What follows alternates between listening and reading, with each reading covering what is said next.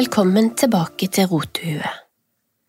Denne episoden vil bli kortere enn de andre episodene. Eh, og jeg har egentlig bare et budskap denne uka, og et ønske. I forrige uke så mista mitt lokalsamfunn, Lillesand, en eh, profilert, en verdsatt, beundra, respektert, godt likt og rett og slett en fantastisk mann. Han valgte å ta sitt eget liv. Når jeg fikk denne nyheten, så ble jeg både lei meg, frustrert, opprørt, eh, fortvila, og hodet mitt prøvde å finne noe svar. Jeg ble også redd, egentlig, redd for at vi har et sånn valg, vi kan ende vårt eget liv. Det syns jeg er skummelt.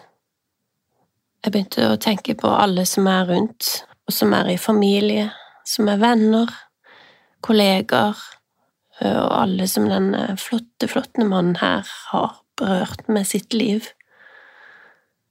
Mannen hans skrev noen dager etter et utrolig sterkt innlegg på Facebook, og han klarer å sette ord på sorgen og fortvilelsen oppi det hele. Og det å kunne finne så mye styrke oppi noe så tragisk, det er utrolig sterkt, hva et menneske tåler, og samtidig så er det utrolig vondt hva et menneske ikke tåler. Og jeg klarer ikke å forstå helt hvorfor et menneske blir gående med så mye vondt inni seg, og har så mye vondt at man velger å ikke leve lenger. Og nå vil jeg bare si noe generelt, for det får meg til å tenke på menns psykiske helse, og egentlig hvor lite det blir tatt på alvor. Og det vet jeg. Det har jeg sett. Det har jeg hørt. Og nå vet jeg ikke hvordan det var i dette tilfellet, men jeg mener generelt sett at i Norge så er det vanskelig å få hjelp for den psykiske helsa. Det skal så mye til.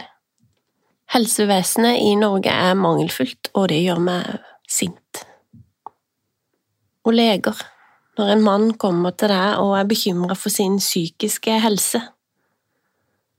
Vær så snill, ta ham på alvor. Gjør den veien lett å gå til hjelp. Det skal ikke være sånn at folk må gå privat, og at det er de med penger som får hjelp. Vi må dele med andre at vi ikke har det bra. Vi må lytte når folk har noe de har lyst til å si til oss. Det er ikke en svakhet å kunne vise følelser og vi må også tørre å spørre hverandre hvordan har du det egentlig, og da må du ha tid til å lytte på svaret. Og svaret kan komme i form av kroppsspråk eller blikk, eller endra atferd. Vi har ingen å miste, og det gjør så inderlig vondt at noen kan føle seg så aleine når de har så mange gode mennesker rundt seg. Det er så mange i sorg rundt meg nå, og hodet kverner skikkelig. Jeg har bare et ønske om at vi tar vare på hverandre. Så mitt eh, budskap for denne episoden er rett og slett ta vare på hverandre, se hverandre, lytt til hverandre og del med hverandre. Ingenting er så vanskelig og vondt at ikke det blir bedre.